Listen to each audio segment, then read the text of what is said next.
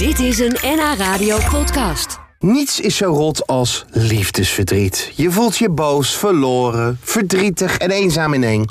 Niet alleen voor de hoofdpersoon een nare periode, vaak ook voor de ouders. Want hoe ga je hier als ouder goed mee om? Nou, luister even voor tips naar opvoeddeskundige Marina van der Wal.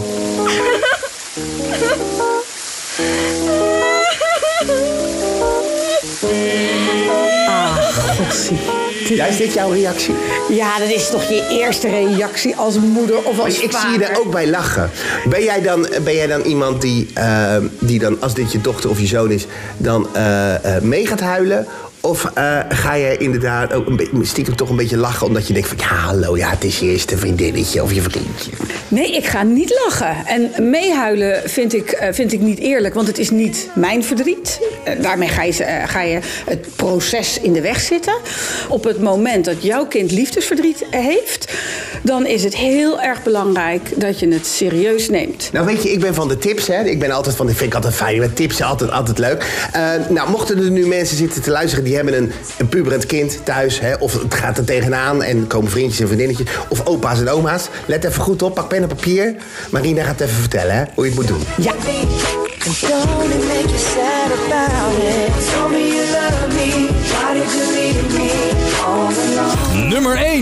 De eerste tip is: geef niet te snel raad. Daarmee ga je, eh, ga je je kind en alle emoties in de wielen rijden. Dus niet eh, zoek een ander. Nee, Ga allemaal lekker niet. buiten eh, kleding kopen. Nee, dan is het veel belangrijker, en dat is dan de tweede tip, om vragen te stellen. Wat is er Je gebeurd? gaat nu altijd naar de twee. Ik ga meteen door naar Oh, de tweede. ja, naar de tweede ja, ja. Nummer twee. Ja, dat gaat zo snel hè. Ja. Vragen stellen, dat is eh, eh, veel belangrijker dan die, dan die raad geven. En wat, wat stel je dan voor vragen? Dan is het, eh, dan is het van, joh, wat afschuwelijk voor je. Ja, ja. En hoe heb je gereageerd? Empathie tonen, daar komt. Empathie, je inleven en het dus niet om jouzelf laten gaan. Want dat zie je ook heel erg veel bij ouders. Die hebben zelf ook een relatie met een vriendje of vriendinnetje van hun kind. Dan was het waarschijnlijk niet te wagen. Ja, dat, dat vind ik dat, ja, dat is van ontzettende dooddoeners. Maar je hebt ook je eigen teleurstelling. Je hebt ook je eigen verdriet. Omdat je afscheid neemt van iemand die misschien wel een hele tijd al bij jou in het gezin meegeleefd heeft. En daar gaat het dus in deze situatie niet om. Dus dat je zegt, oh wat vreselijk.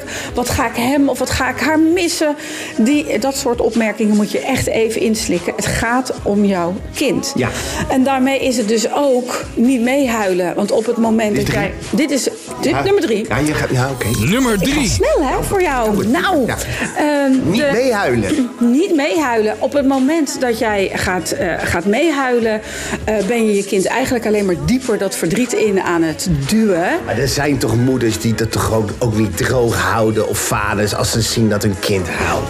Je hoeft het niet, je hoeft het niet helemaal droog te houden dat, je, dat, je, dat het jou ook pijn doet. Op het moment dat jouw kind liefdesverdriet heeft, breekt jouw hart ook. Dat is echt afschuwelijk om jouw kind verdrietig te zien. Maar op het moment dat je gaat meehuilen met het van...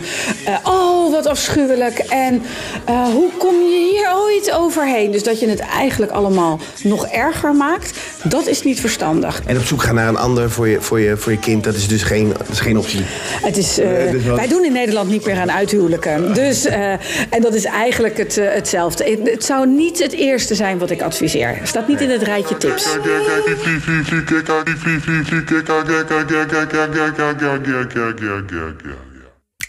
Dit was een NH Radio podcast. Voor meer, ga naar nhradio.nl. Radio.